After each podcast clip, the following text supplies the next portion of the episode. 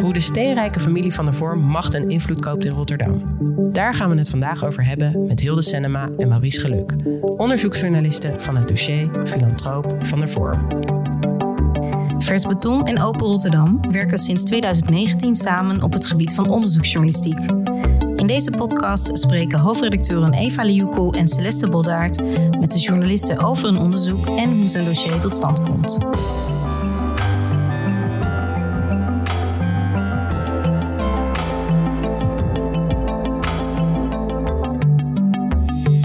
Welkom bij deze podcast. Mijn naam is Celeste Boddaert. Ik ben hoofdredacteur van de lokale publieke omroep Open Rotterdam. En wij werken samen met online tijdschrift Vers Beton op het gebied van onderzoeksjournalistiek. In deze terugkerende podcast praten we met de journalisten over hoe zo'n onderzoeksdossier tot stand komt. En dat doe ik samen met mijn collega, hoofdredacteur Eva. Mijn naam is Eva Liuku. Um, ik ben hoofdredacteur van Vers Beton. En het eerste onderzoek dat wij vandaag onder de loep nemen gaat over de filantropenfamilie van de Vorm. Een dossier van Maurice Geluk, onderzoeksjournalist en tevens onze chef onderzoek. En Hilde Senema als historicus verbonden aan de Erasmus Universiteit. Welkom beiden. Um, misschien is het goed om ook even te beginnen um, en op te merken het feit dat dit is onze eerste, eerste podcast is die we maken in een nieuwe serie. Uh, we brengen hem niet elke week uit, maar we volgen het ritme van de onderzoeksdossiers een, uh, een aantal keer per jaar. Um, nou, we hebben er heel erg zin in om het op te zetten. Het is een beetje een pilot, alleen we hebben nog geen titel. We weten nog niet hoe deze podcast moet gaan heten. En uh, misschien hebben luisteraars, lezers van Vers Beton, kijkers van Open wel een goed idee voor hoe we deze podcast moeten noemen. Dus stuur je ideeën in. En ja. dan, uh, wie weet, hebben we volgende week, uh, volgende keer bedoel ik, een winnaar. Um, dan de Van de Vormfamilie, waar het uh, deze keer over gaat. Um, deze familie stond al heel lang op ons wensenlijstje om een verhaal over te maken. De familie speelt zich de laatste jaren uh, behoorlijk in de kijker. Um, doordat ze met hun uh, filantropische vermogenfondsen de Vellebergen en Dromendaad investeren in opvallende en soms ook minder opvallende, maar wel grote projecten in de stad. Dat zijn vaak projecten op het gebied van sociaal-maatschappelijk vlak, maar ook kunst en cultuur. Um, en vaak speelt vastgoed op de een of andere manier een rol in heel veel van die projecten. Uh, tegelijkertijd is de familie behoorlijk mediaschuw. Wij wisten niet meteen uh, hoe we dit onderwerp moesten aanvangen. Uh, het is heel belangrijk, dat voelden we, maar waar begin je? Maurice, um, jij bent uiteindelijk hiermee aan de slag gegaan. Hoe heb jij dit aangepakt? Hoe ben jij begonnen? Vooral met eerst veel lezen. En um, um, er zijn heel veel journalisten die hebben al een keer een portret van deze familie geprobeerd te schrijven. Noem, noem, alle kanten maar op. En ze hebben het geprobeerd. En allemaal hebben ze ook een beetje bijgedragen aan het mysterieuze gehalte van die, van die familie. Uh, dus ik dacht, ik ga in ieder geval geen portret van de familie maken. Uh, waar, is het, waar, waar, waar, waar is het nou het meest interessant? En dat is inderdaad wat je zei al, die filantropie. Ze zijn steeds zichtbaarder geworden. Ook zeker met Droom en Daad. De stichting die in 2016 is opgericht. Dus ik, ik ben eigenlijk een vooronderzoek gaan doen. Uh, komen we later nog over te spreken. Maar ik heb een WOP-verzoek ingediend bij de gemeente eind vorig jaar. Um, en ik heb eigenlijk uitgeplozen van welke, welke stichtingen zijn er nou allemaal. En wat doen die, wat doen die filantropische stichtingen... Waar, waarbij Dromendaad en de Verrebergen eigenlijk het belangrijkste zijn. En dat is, dat is de basis geweest voor het verdere, voor het verdere onderzoek, zeg maar. Dus uh, ik heb toen bepaald van oké, het interessantste is om uh, op die filantropische stichtingen in te zoomen en dan vooral te kijken hoe ze eigenlijk filantropisch hun zaakjes regelen. En dan vooral richting het stadhuis. Ja, ik wilde zeggen, want dat, uh, is het, dat was ook een van je speerpunten. Uh, ze zijn erg, uh, ze zijn vaste prikken op het stadhuis. Hè? Ze komen regelmatig langs. Ze komen regelmatig langs, ja. Dat is ook een van de bevindingen uit het onderzoek. Dat de gemeente wel een heel erg grote uh, overlegstructuur heeft opgetuigd. Ze zitten echt aan tafel op het allerhoogste niveau. Zowel bij de burgemeester, topambtenaren, regelmatig bij wethouders. een plek aan tafel, die hebben ze. En dat is een exclusieve positie die andere fondsen niet hebben. Klopt, ja. Dat is de stuurgroep Filantropie in Rotterdam. Inmiddels heet hij anders, maar heeft drie jaar wel zo geheten. En ze, die, die, stuurgroep die adviseert eigenlijk direct. Die zit maandelijks om tafel met de hoogste ambtenaren. En vanuit die stuurgroep wordt ook echt geadviseerd aan het college van burgemeester en wethouders. Vooral rondom het gebied van vastgoed. Dus ze keuren eigenlijk hun eigen initiatieven. Want zij zijn de enige die in die stuurgroep zit. Ja, dat zijn Wim Pijbus en uh, Roelof Prins, directeuren van de Romandaat en de Verre Bergen. En dan soms hun adjunct, hoofdadjunct directeuren. Uh, en, en eigenlijk met de hoogste ambtenaren, dus directeur stadsontwikkeling, directeur maatschappelijke ontwikkeling. Dat zijn echt de, de big shots, zeg maar. Ja, dat is een goede positie. Dus fijn dat je, Ja, als je geld hebt, dan, uh, Ja. dan heb je macht. Dat is eigenlijk, nou ja, niet zo één op één, maar dat is wel de, de weg die je ging zoeken in je onderzoek. De critici die zeggen inderdaad wie, wie, wie de dikste portemonnee heeft. En de portemonnee van Van der Forum is dik. Uh, quote schat ze dit jaar op 7,1 miljard. 2 miljard minder dan vorig jaar. Hè? Dus de corona is daar ook ingehakt. Maar desalniettemin uh, diepe zakken, ja. Um, de familie uh, investeert heel veel in de stad omdat ze een hele sterke band met de stad voelen. Uh, blijkbaar. blijkbaar. Um, Hilde, jij dook in de geschiedenis van de familie van de Vorm. Hoe ver gaat die band met de stad terug? Ja, ze wijst dus inderdaad ook terug op die band met de stad, die al, nou ja, dus van het eind van de 19e eeuw duurt. Toen, toen kwam Willem van de Vorm, dat is de oudoom van Martijn van de Vorm, die nu directeur is van de, van de holding. Uh, die kwam naar de stad uit, uh, uit IJsselmonde, dus een, een boerenzoon. Uh, en die heeft zich opgewerkt in de haven, als, eerst als loopjongen en daarna ook als accountant. En uiteindelijk ook eigenaar van, van de steenkolen scheepvaartmaatschappij in Rotterdam. en met die ste steenkolen heeft hij zijn aanvankelijke fortuin verdiend. En, en toen was het ook uh, usance om, om je met de stad te gaan bemoeien. Hij hield van kunst. Hij woonde vlak tegenover de, um, de kunsthandelaar op de Westersingel. En is toen kunst gaan verzamelen. En kwam zo in het vizier van Dirk Hannema, de directeur van Museum En daarmee ook in het vizier van de gemeente. Dus, dus toen begon, ja, of tenminste, als je die traditie door wilt trekken, dan, dan, dan begint de familieband eigenlijk met Rotterdam al eind 19e eeuw. Maar ja, zo jaren 20, jaren 30. Dus ook met de bouw van het nieuwe gebouw van Boymans werd ook die, die band met, met kunst en cultuur in Rotterdam heel erg hecht. En op de, uh, tot op de dag van vandaag is een, een niet onbelangrijk deel van de collectie Boymans in bruikleen van de familie. Um, ja, dus, dus het museum heeft, uh, heeft uh, een deel van, van, de familie in, uh, van de familiecollectie in Bruikleen. Ja, ja eigenlijk de hele van, van de vormcollectie. Ja. ja. ja. Dus dat, is ook, dat bestaat ook nog steeds. Het is ondergebracht in een stichting, de Stichting Willem van der Forum. Het gaat om 93 schilderijen volgens mij. En die stichting wordt bestuurd door leden van de familie. Ja, Um, uh, Hilde, jij um, uh, eindigt uh, je, je historische verhaal ook met hoe je nou op basis daarvan, hoe we nou eigenlijk zouden moeten kijken naar filantropie in een vandaag de dag en hoe je daar als overheid en als gemeente mee om moet, zou moeten gaan. Nou, daar komen we later in deze podcast nog ook over te spreken. Ja. Misschien kunnen we eerst even wat meer in het uh, onderzoek duiken. Precies, want daar gaat juist deze podcast over. Als je nou meer wil weten wat er daadwerkelijk onderzocht is, kan je dat ook teruglezen in de artikelen op Vers Beton. Maar wij gaan eigenlijk met Maurice en Hilde een beetje ontleden hoe, hoe zo'n onderzoek nou tot stand komt. Want Maurice, het is je niet makkelijk gemaakt. Uh, in, je verantwoord staat dat je, in je verantwoording staat dat je 25 mensen hebt gesproken. Zaten die te springen om met je te praten? Nee, niet per se. Ik heb, denk dat ik het dubbele wel ongeveer benaderd uh, heb. Uiteraard ook geprobeerd om bij de stichtingen binnen te komen.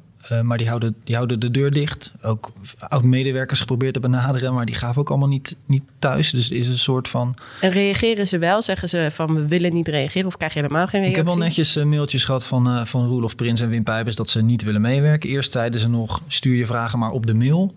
Uh, zet ze maar op de mail. Dat heb ik gedaan. En toen kreeg ik uh, uh, het vriendelijk bedankje van we werken niet mee. En dat heeft er alles mee te maken dat ze hun eigen PR willen regelen. Wim Pijbers heeft, zo schrijf ik ook in mijn verhaal, een aantal keer bij de DWDD aan tafel gezeten.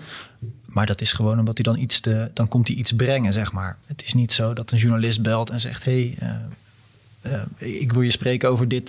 ze willen de regie houden. Dat zie je eigenlijk overal in terug. Het is hun beleid om niet met de pers te praten. Zeker de Verre Bergen niet.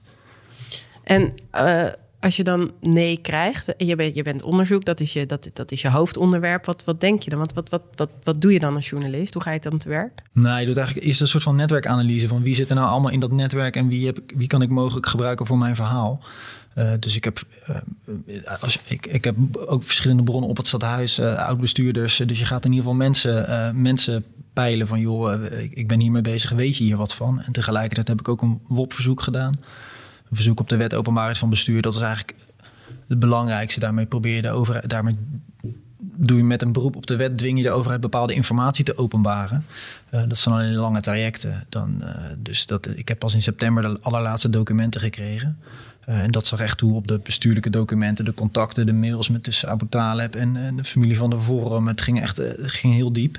Dus dat is een hele belangrijke geweest. En daar kwam ik ook onder andere achter dat er een stuurgroep was waarin die eh, partijen aan tafel zitten. Maar daar ging het ook over een schenking van, van dromendaad aan het stadsarchief, een affiche. Dus daar is allemaal zulke soort informatie boven tafel gekomen. Dat was een hele belangrijke. Hey, en je vertelt ook oud-medewerkers die willen niet praten. Geven ze ook een reden aan jou? Nee, nee, nee. Ik heb verschillende via LinkedIn of via mail benaderd. Soms geen reactie uh, of gewoon uh, we werken simpelweg niet mee. De, denk je dat ze dat niet mogen? Misschien hebben ze wel een soort uh, geheimhoudingsclausule die ze moeten dat, tekenen. Dat, zou, dat zou goed kunnen. Dat zal niet ongebruikelijk zijn, maar dat, dat weet ik niet zeker. maar ik denk dat het ook een bepaalde loyaliteit is. Want? De, nou, dat merkte ik ook bij oud-ambtenaren. Ik heb verschillende oud-directeuren benaderd. En het is niet des ambtenaars om, uh, om uit de school te klappen, zeg maar. Het is toch een bepaalde loyaliteit die het uh, met zich meebrengt. En uh, ik denk ook wel dat in Rotterdam heel veel mensen. Ja, ik begrijp ook wel dat niet iedereen wil praten. Want ja, we zijn ook niet zo'n grote stad. het geld klotst hier niet doorgaans tegen, tegen de kades. Veel mensen zullen toch hopen, als je dit jouw project of jouw organisatie een keer in aanmerking komt voor om geld te ontvangen van een van de stichtingen. Um, en ja, misschien is het ook goed om te vertellen dat ook zelfs ik een keertje hier een paar huizen verderop aan de parklijn naar binnen ben gelopen bij Dromendaad. Um, omdat nou, het zal mensen wel bekend zijn dat wij, dat Versbeton altijd zoekende is naar een verdienmodel. En um, ik kreeg heel vaak de tip van mensen: Goh, moet je niet een keer gaan praten met uh, die mensen van uh, de Verreberg en Dromendaad? Nu wisten wij wel dat zij eigenlijk totaal niet geïnteresseerd zijn in, uh, in media en journalistieke projecten. Dat hadden we gehoord. en ja, we vonden het ook wel een beetje, ja je, ja, je voelt je ook een beetje dubbel over. Van eigenlijk wil je dat ook liever niet. Zo'n grote, machtige partijen, daar, daar wil je in ieder geval niet zo afhankelijk van zijn. Um, maar nu hadden we een keer een project dat we dachten, nou, misschien um, zijn ze wel geïnteresseerd in een soort eenmalige injectie. In een soort uh, waarmee wij weer uh, een, een, project kunnen verder brengen. En dan blijft het gewoon bij dat project. Um, en um, ja, toen hadden we gewoon een projectplan om twee A4'tjes uh, naar Pijbers gemaild. Want dat is allemaal op de gok. Want er zijn geen officiële wegen om, om, je, nou ja, om je aanvraag in te dienen. Dus je moet het... Ja, je moet zelf, als je onder zijn aandacht wil komen, moet je naar zijn aandacht op de een of andere manier trekken. Maar we werden dus uitgenodigd. Dat verbaast me wel. ze hadden de A4'tjes niet gelezen. En we hebben daarna ook niks meer van gehoord. En stiekem vond ik dat ook wel prima. Uh, omdat ik, ja, het, is, het is ook een beetje dubbel. Je, we gingen erheen van, nou ja, wie weet. En, uh, maar het is ook gewoon. Ja, je kunt ook niet als, als je heel erg afhankelijk maken van zo'n partij. Want zeker als journalistiek medium niet. Celeste, heb jij wel eens um, met. Uh, zijn jullie wel eens met een van die partijen gaan praten? Uh, ik zelf niet, maar uh, mijn zakelijk directeur en de bestuursvoorzitter zijn er zeker eens geweest. Ook met een plan, een projectplan, precies voor één dingetje. En ook dat werd afgewezen. Volgens mij omdat ze gewoon niks willen steunen wat met media te maken heeft. Maar het is inderdaad wel zo dat je dus alle partijen in de stad denken van misschien ja. heb ik die grote pot met geld nog wel eens nodig. Of misschien uh, in een latere carrière. En zijn dan misschien toch bang om hun vingers te branden, uh, Maries. Dat klopt ook zeker, ja, ja, ja. Nee, dat heb ik ook in verschillende gesprekken gehoord. Ook met oud-bestuurders die zeggen stoot ze niet voor het hoofd. Uh, misschien gaan ze hun geld wel ergens anders uitgeven. Het voordeel is wel dat in de statuten van die stichtingen staat verankerd dat ze hun geld in Rotterdam moeten uitgeven. Dus dat kan niet zomaar anders. Maar daar hangt wel een soort van angst in de stad.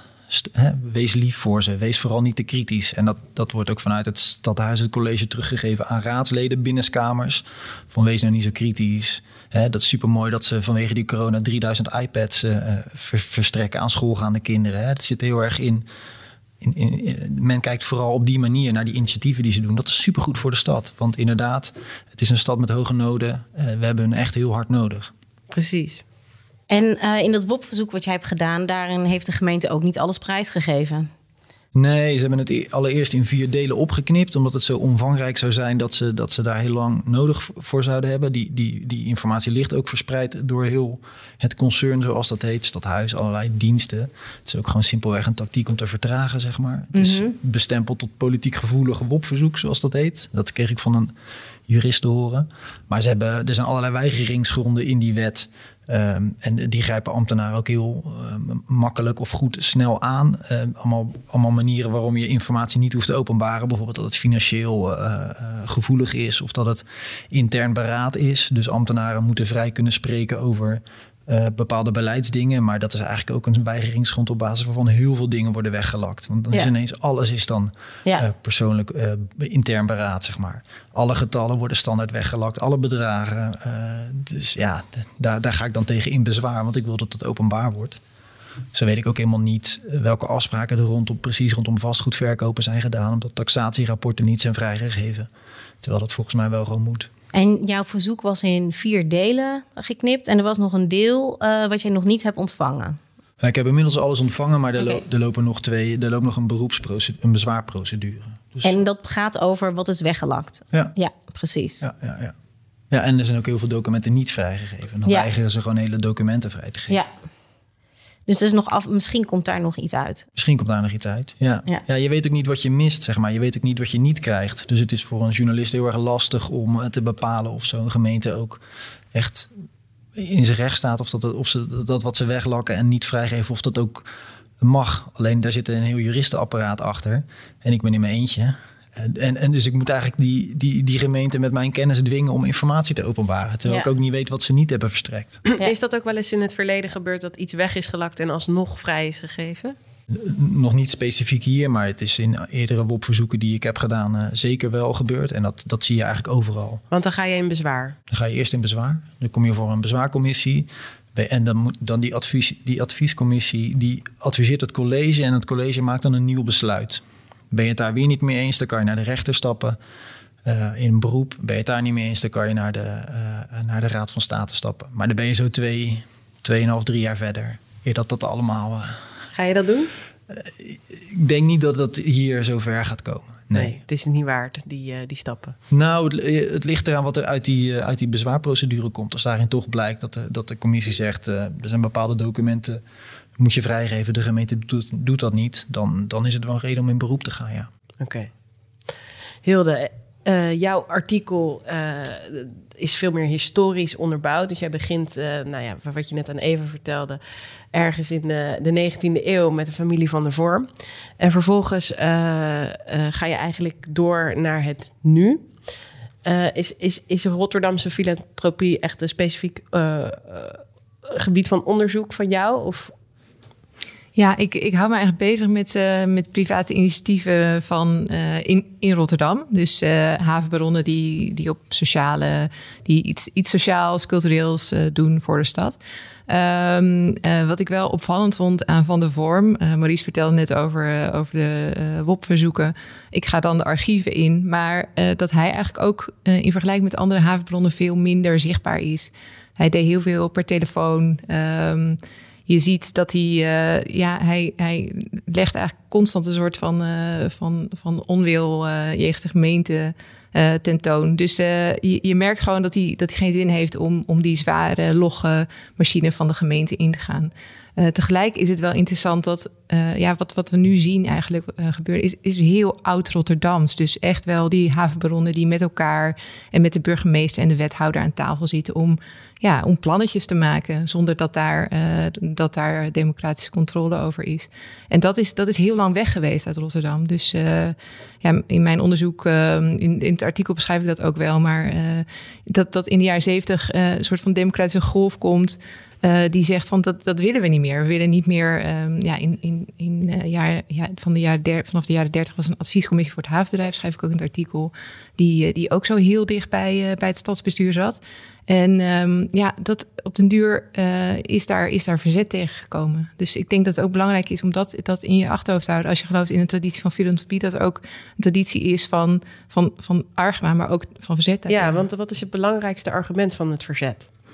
Dat, ehm, dat, dat het uh, uiteindelijk. Um, ja, er zijn, er zijn een paar argumenten, denk ik, die heel erg samenhangen met, met hoe, je, hoe je tegen de wereld aankijkt. Dus ergens snap ik ook wel uh, dat, dat, dat uh, de stichtingen zich bijna als een soort apolitieke, ja, hele gladde organisaties die zeggen van we doen alleen maar goed in de wereld. maar het is wat, natuurlijk wel degelijk. Ze, ze, ze doen iets met de publieke ruimte, met publieke dingen. En, uh, en, en, en het belangrijkste argument is dat daar democratische besluitvorming over moet zijn. Als je zo, um, ja, eigenlijk, uh, weet je, als het iets kleins is, is iets. Uh, we hadden het net over fotografie in een coronatijd, voordat de aflevering begon.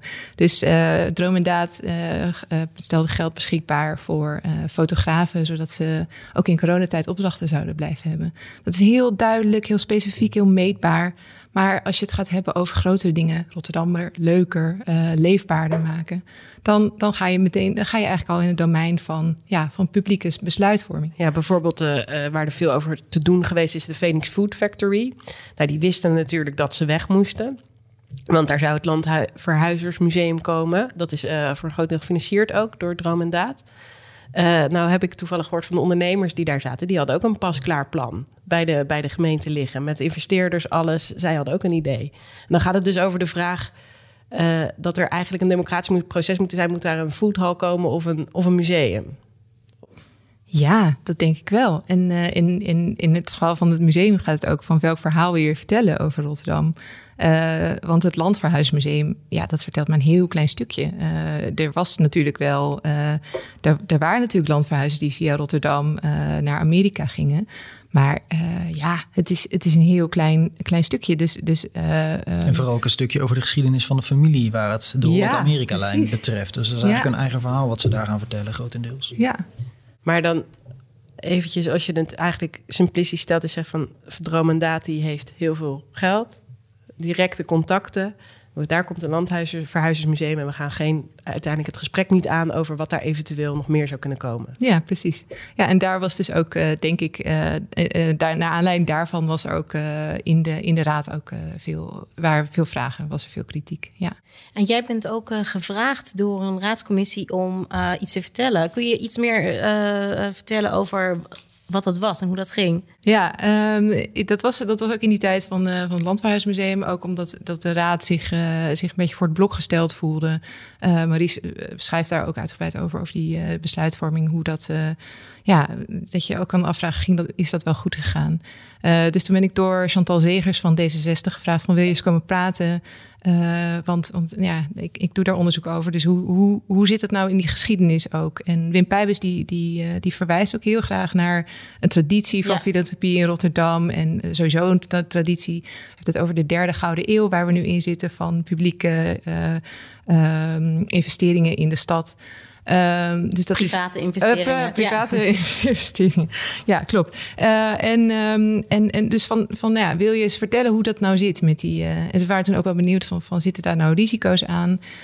Um, en het grappige was ook wel dat er dat toen zat ook iemand die aan de tafel die zei van ja, maar is het geen risico als alleen de overheid het over uh, zulke dingen te zeggen heeft. Dus dat is natuurlijk ook een, ja. een, een, uh, een, een, een, geldig punt. Van, uh, ik, ik noemde bijvoorbeeld dat, dat Landverhuizenmuseum van wil je dat, dat een, publiek, een private partij dat verhaal vertelt over de stad. en ja, er zat toen ook iemand tafel die zei van ja, maar wil je dat alleen de overheid dat doet? Dat kan natuurlijk ook soort gevaarlijk zijn. Dus ja. het is wel een een, een interessante discussie. Wat is nou die balans waar je op zit? Maar, um... Ja, er zijn nu net weer... Um, het cultuurplan is net vastgesteld. En dan wordt weer voor vier jaar lang grote subsidies vastgesteld. Um, en dat is natuurlijk een heel traject. Er is natuurlijk ook wat voor te zeggen dat er geld is en mogelijkheden zijn voor partijen die ook mooie willen doen, dingen willen doen, maar nu op de een of andere manier toch buiten de boot vallen. Dat er ook andere partijen zijn waar mensen zich toe kunnen wenden. En ik begreep ook dat het uh, het is ook wel een keer niet goed gegaan. In um, uh, 2000, ja, zo'n 15 jaar geleden, is er sprake van geweest dat uh, Joop Kaldenborg, um, een grote industrieel uit de, uit de haven, rijk geworden met een chemieconcern en groot kunstverzamelaar. die wilde een nieuw eigen privé museum bouwen en hij wilde dat ook graag in Rotterdam doen. Er hebben toen allerlei gesprekken plaatsgevonden. En um, tussen hem en de gemeente en dat is toen geklapt. En uiteindelijk is dat nu het Museum Voorlinden geworden, wat nu in Wassenaar staat. Um, wat volgens mij best goed loopt en een publiekstrekker is. Dus ik kan me ook echt wel iets bij voorstellen dat. Um, uh, uh, dat er ambtenaren zijn of dat de mensen bij de gemeente die zeggen: Hè, dat gaat ons niet nog een keer gebeuren. Zijn jullie dit uh, voorbeeld wel eens tegengekomen in jullie onderzoek? Ik heb wethouder van Gils gesproken en daar zaten ook wat ambtenaren bij. En die, daar bleek wel uit dat, het, dat, het nog steeds, uh, dat ze dat nog steeds wel, dat ze daar moeite mee hebben. Dat het toen wel fout is gegaan, dat ze daarvan balen. Ja. Het is niet een causale, causaal verband, maar het is wel een correlatie, denk ik. Wellicht is er een correlatie met hoe ze nu uh, met dit museum omgaan. Ja. Dat ze toch wel blij zijn dat zo'n filantroop uh, dit komt stichten en dat ze daar wel daardoor medewerking aan verlenen. Ja. Misschien ook overcompenseren? Ik durf het niet te zeggen. Nee. maar goed, dat is, het is wel een interessante, uh, uh, ja, uh, iets wat in het recente verleden is gebeurd. ja, ik had persoonlijk ook leuk gevonden als Museum voor in Rotterdam. Daar ben ik dan weer zo'n chauvinist voor natuurlijk. Uiteraard. Um, dus, maar dat is, het is een last, het is een soort dilemma um, ja, waar, waar je als stad mee zit. Hoe moet je hiermee omgaan? Jij doet ook nog wat aanbevelingen in je stuk. Ja, uh, ik, ik zat te denken van wat, wat moeten we nou, uh, wat moeten we hier nou mee? En, ik woon ook in Rotterdam en ik vind het ook belangrijk dat, uh, dat, dat, dat, dat er ja, ik, ik, ik heb ook altijd wel een zwak voor die havenbronnen die heel graag uh, iets willen met die stad. Um, maar ik zie ook altijd de, de, uh, het, ja, het, een beetje de keerzijde. Dus, uh, dus als, als een havenbron iets doet met zijn iets, iets moois doet voor zijn werknemers, bijvoorbeeld huizen bouwt of een vakantiepark, dan, dan zit er ook een stemmetje. Ja, maar ja, het is ook goed voor die werknemers. Die, ja, die worden daar ook weer productiever van. Dus het, het is een cirkeltje. En, en ik geloof niet dat het elkaar uitsluit, maar dat het naast elkaar kan bestaan. Dus ik, heb, uh, ik heb drie paradoxen opgeschreven. Dus dat er uh, zowel een traditie van, uh, van filantropie is als van verzet daartegen.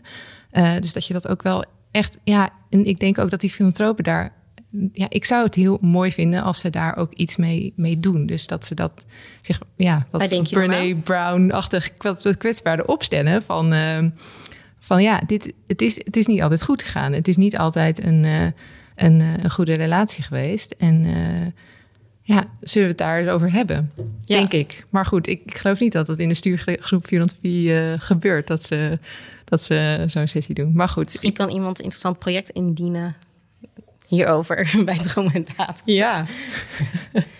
ja. Nee, maar goed, dus het, en, en er zit natuurlijk een spanning van, van je, je, wil, je wil dat kapitaal benutten voor de stad, maar mm -hmm. uh, en je wil ze vrijlaten. Maar ik ben toen ook bij een avond geweest uh, een, van die technische raadscommissie, een vergadering, waar zowel de, alle filantropen, want we hebben nu een stuk steeds over die twee stichtingen, maar er zijn heel veel uh, fondsen die al heel lang bestaan. Stichting Volkskracht bestaat al bijna 100 jaar.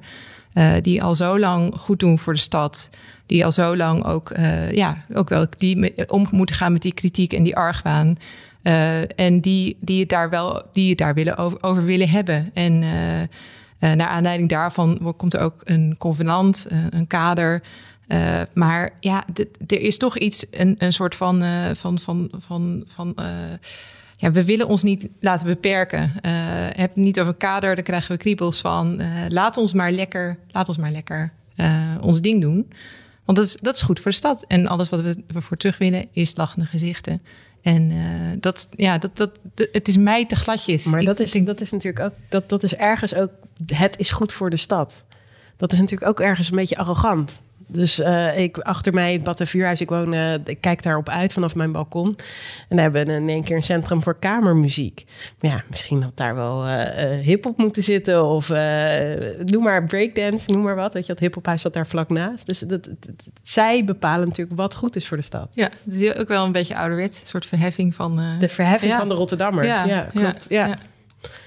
Maries, er zijn raadsvragen gesteld door Partij van de Dieren. Uh, een flinke lijst. Ja, 21 stuks, ja.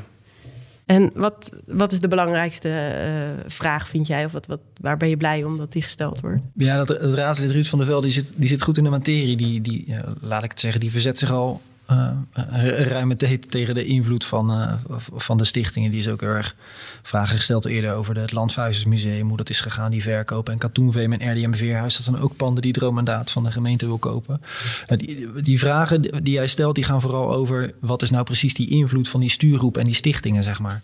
Hoe, waar we het eerder al over die stuurgroep filantropie ik heb daar die verslagen van, maar ik, je weet niet precies wat er allemaal wordt besproken en wat nou precies de invloed is. Hoe beïnvloeden zij collegebesluiten? Dat wil hij graag weten. Hij wil ook weten van wat is nou precies de herkomst van het geld van die stichtingen. heb ik ook gevraagd, daar heb ik geen antwoord op gegeven. Van Giels weet ook niet waar het geld vandaan komt. Op het stadhuis zeggen ze van het komt bij de familie vandaan. Ja, ik wil zeggen, is dat niet gewoon het familiefortuin? Ja, maar dan nog, waar komt het vandaan?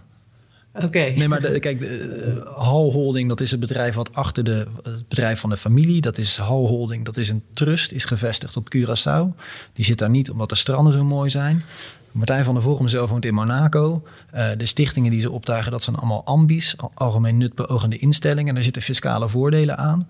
Uh, van der Velde heeft eerder een motie ingediend. Die is ook aangenomen met volgens mij algemene stemmen van. Belastingontwijking vinden wij als raad onethisch. Nou, je zou natuurlijk wat kunnen denken van... Hè, uh, ze doen goed, maar waar komt dat geld vandaan? Uh, komt dat uit?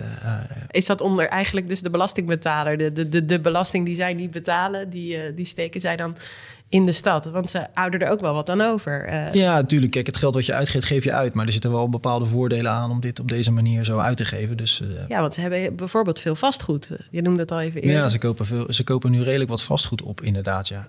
Um, onder andere 200 woningen voor Syrische uh, status. 200 woningen voor Syrische gezinnen ja, hebben ze opgekocht. 220 volgens mij. En wat hebben ze nog meer in de stad?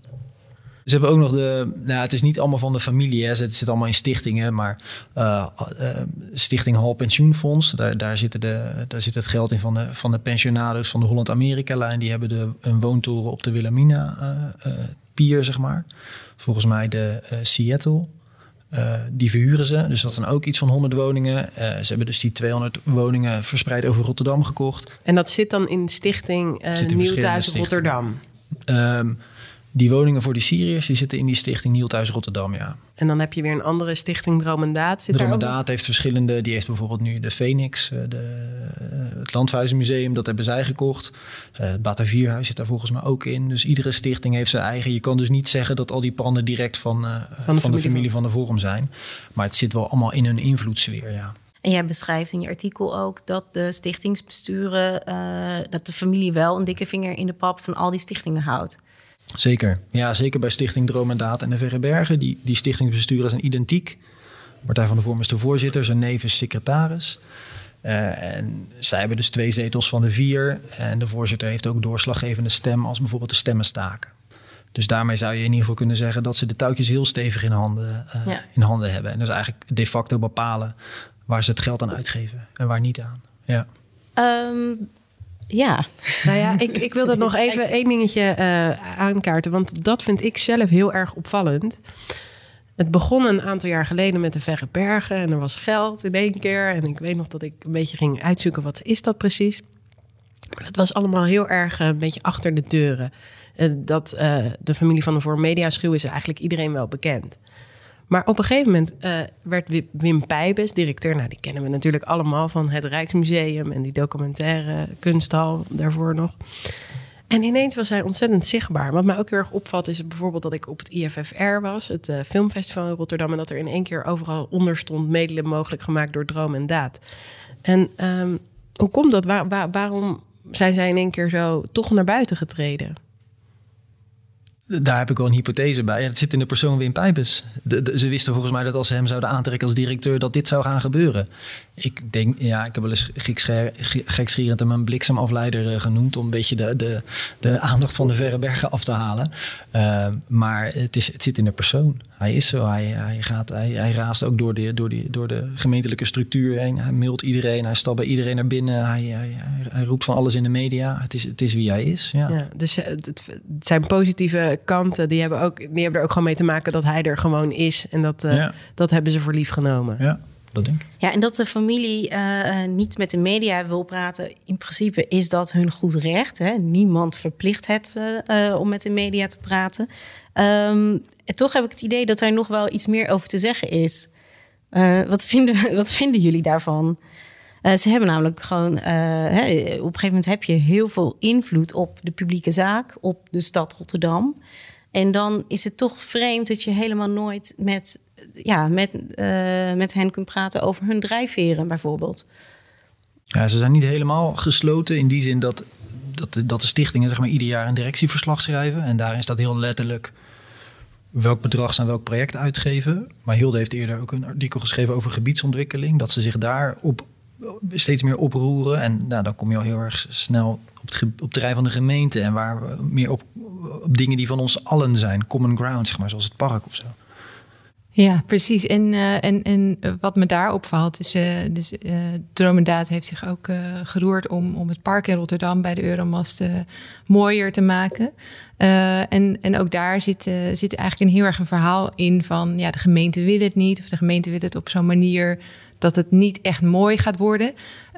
maar wij gaan het, gaan het dan oplossen. En en als iemand dan vraagt van ja, maar er zijn toch ook kritische stemmen uit de gemeenteraad. Ja, maar we hebben een wandelingetje gemaakt met die meneer en die vindt het nu, die vindt het nu ook prima. Dus uh, ja, dus, dus, de openheid is er wel. En helemaal inderdaad in de persoon van Wim Pijbus, die graag, die graag uh, over zijn projecten praat. Um, maar dus wel heel erg het, het narratief uh, zelf wil controleren.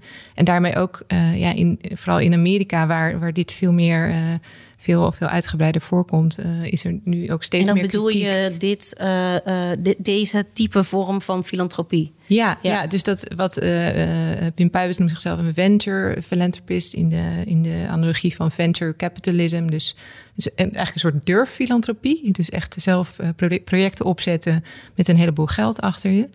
Um, en daarmee ook de wereld mooier maken. En dat, dat is ook een beetje het, verhaal uh, wat ik bedoel. Van, uh, van ja, maar wij maken de wereld toch mooier. En tegelijk, uh, wat, wat Maurice net vertelde, van, van ja, maar het gebeurt wel door heel slim met belasting om te gaan. dat, dat kapitaal groeit niet zomaar. En ik denk dat het belangrijk is dat we ook gaan inzien dat het te maken heeft met, met de groeiende kloof tussen arm en rijk. Ehm, met, en, en dat dat, dus dat, dat het kapitaal ergens vandaan komt. Uh, en, en dat het dus een fundamenteler probleem aan de dag legt, waar we het ook over moeten hebben. Uh, ik, ik, geloof inderdaad dat, dat de Partij van de Dieren dat al heeft gedaan. Maar um, ja, dat, daar zouden we het met z'n allen wel, uh, wel eens over moeten hebben. Van, van, je hoeft niet meer super links te zijn om, om in te zien dat, dat, dat zo, de, ja, de manier waarop welvaart nu verdeeld wordt, dat het niet eerlijk is. En ik denk dat die fondsen daar wel een, een, ja, een, een voorbeeld van zijn. Je ziet nu ook dat de gemeente zich wel enigszins achter de oren aan het krabben is vanwege dit onderzoek wat we hebben gedaan. Omdat ze uh, wethouder Vergils heeft gezend een uitstelbericht naar de raad gestuurd. Waarin ze eigenlijk dat, dat kader, dat, dat beoordelingskader aan de hand waarvan ze vastgoedverkopen willen gaan beoordelen. dat, dat beoordelingskader dat Wim Pijbers postcommunistisch vond, omdat hij dat een te koude benadering vond van, uh, van de fondsen. Ja, hij wil liever geen, niet zo heel veel regels, zeg maar. Zo'n convenant is prima, dat is lekker vrijblijvend. Daarin zeggen we als fondsen onderling met de gemeente spreken we af dat we elkaar wat vaker zien, dat we wat informatie delen. Ja, dat is natuurlijk best wel aardig. Maar als er dan een kader komt dan, uh, dan, dan, gaat de gemeente echt regels uh, opstellen. Uh, kijken waar het geld vandaan komt, aan wie ze wel en niet verkopen. Dat gaat voor iedereen gelden, niet alleen voor fondsen. Maar dat is, dat, daar wordt al drie jaar aan gesleuteld. En dat is nu dus weer uitgesteld vanwege dit onderzoek, wordt ook letterlijk gezegd. en ze gaan ook echt specifiek met de Verrebergen en Dromedaad om tafel en Stichting Volks, Volkskracht om ja, nieuwe afspraken te maken of er toch nog eens verder naar te kijken. Dat is op zich wel opmerkelijk. Ja, dus to be continued. Ja. Bedankt, Hilde, Maurice, uh, voor jullie nadere uitleg aan jullie uh, onderzoeken. Ik ben nog wel heel even benieuwd. Uh, komt, er, komt er nog een vervolg? Gaan we, kunnen we nog iets verwachten over de familie van de Vorm? Nou, die raadsvragen die worden beantwoord ergens in december. Dat zou wel, eind december, dat zou wel nieuws kunnen opleveren. en verder zitten er nog wel wat draadjes om aan te trekken in de documenten die ik heb, heb gekregen. Oké, en Hilde, jij, jij, jij bent een historicus, dus jouw onderzoeken lopen vaak wat langer. Ja. Wat, wat, wat kunnen we van jou verwachten? Nou, begin 2022 hoop ik mijn proefschrift af te hebben. Dus dan, uh, dan, uh, dan komt er ook, uh, ja, dan, dan kun je ook wat meer lezen over die adviescommissie voor het havenbedrijf, hoe dat precies zat. en dus, dus eigenlijk, ja, hoe, hoe in de jaren 60 en 70 een soort van, van draai is gemaakt van, van die hele ja, hechte relatie tussen, tussen private en, en, en de overheid. En, ehm, en, en de draai die is gemaakt naar een meer open democratische structuur. Dus, uh, nou, misschien kunnen we daar nog wel wat van leren. Moeten, ze, moeten we dat, uh, dat proefschrift ook even afgeven op het stadhuis? Ja, Ons geheugen is meestal maar kort helaas. Ja. Nou, ik wil jullie bedanken. En ik geef nog even het woord aan Eva. Bedankt voor het luisteren naar deze podcast. Wil je meer onderzoeksjournalistiek? Uh, word dan supporter van Vers Beton. Zo hou je ons onafhankelijk en hoeven wij ons niet afhankelijk te maken van grote geldschieters. Tot de volgende keer. Bedankt voor het luisteren naar deze podcast. Wil je meer weten? Kijk dan op openrotterdam.nl en versbeton.nl. Deze podcast wordt mede mogelijk gemaakt door het Stimuleringsfonds voor de Journalistiek.